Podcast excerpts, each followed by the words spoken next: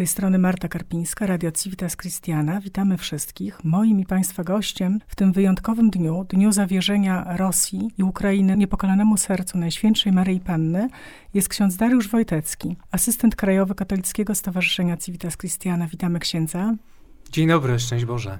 Kiedy papież Franciszek powiadomił nas wszystkich o tym, że zawierzy Rosję i Ukrainę niepokalanemu sercu Najświętszej Maryi Panny, bardzo wiele środowisk e, ogarnęła wręcz euforia. A nie jest to przecież e, pierwsze zawierzenie. Fatimie Maryja poprosiła o poświęcenie jej niepokalanemu sercu Rosji. Miało to zapobiec późniejszym konfliktom, wojnom, błędom i nieszczęściom na całym świecie. I takie próby zostały, były już podejmowane w historii. Podejmował je Pius XII, podejmował Jan Paweł II, ale te zawierzenia, te akty oddania świata niepokalanemu sercu Maryi budziły wątpliwości, bo albo były wykonywane bez y, łączności z biskupami świata, tak jak sobie zażyczyła Matka Najświętsza, albo nie była wymieniana Rosja. Jak to będzie wyglądało tym razem? Jak to będzie wyglądało dziś? No, tym razem jest inaczej. Dzisiaj ten akt, który ma nastąpić wieczorem, Miejmy nadzieję, że zostanie wykonany w pełnej łączności z biskupami Kościoła Powszechnego, tym bardziej, że kilka dni temu, przedwczoraj bodajże, Stolica Apostolska rozesłała taki specjalny list papieża Franciszka do wszystkich biskupów, trochę pod takim hasłem: Zanieśmy do Boga krzyk bólu tych, którzy cierpią.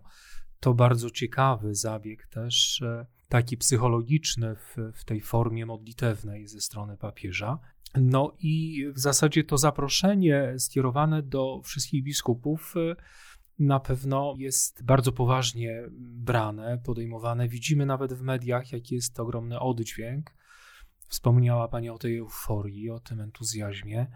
Ta euforia jest związana z ogromnym zagrożeniem dla pokoju nie tylko tutaj w naszym regionie, ale w Europie i na świecie. Stąd jest ona na pewno sprzyjającą okolicznością do tym, e, powiedziałbym, gorętszej, bardziej zaangażowanej, bardziej świadomej modlitwy. Tym bardziej, że również tym razem połączonej z, z adoracją, z tak zwaną adoracją bez granic. Właśnie miałam się o to księdza zapytać. Jak my, jako wierni, możemy się włączyć ten, ten, ten, ten ważny akt, który, którego dokona papież Franciszek i w łączności z nim arcybiskup Krajewski, który będzie w Fatimie w tym samym czasie również konsekrował Rosję niepokolanemu sercu. A my, wierni?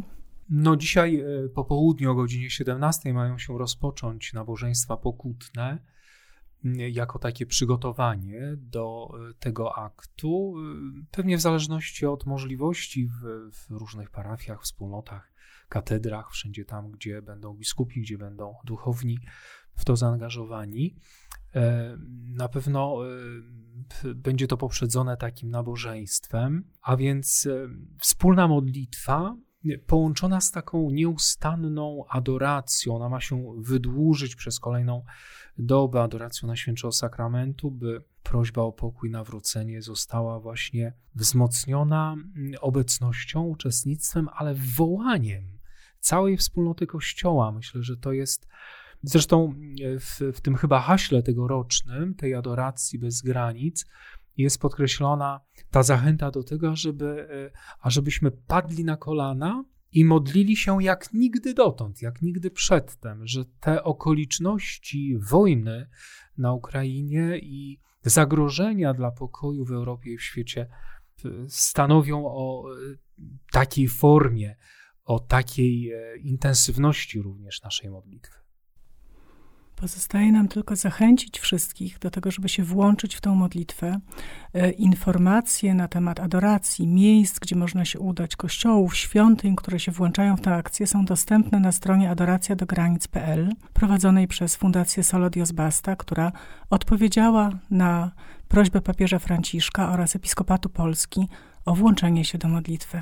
Serdecznie dziękuję księdzu za rozmowę. Ja również dziękuję bardzo i zachęcam do uczestnictwa zarówno w akcie, w swoich wspólnotach parafialnych, jak i w całodobowej, wynagradzającej adoracji Najświętszego Sakramentu, w łączności z aktem poświęcenia przez papieża Franciszka Rosji Ukrainy niepokalanemu sercu Maryi.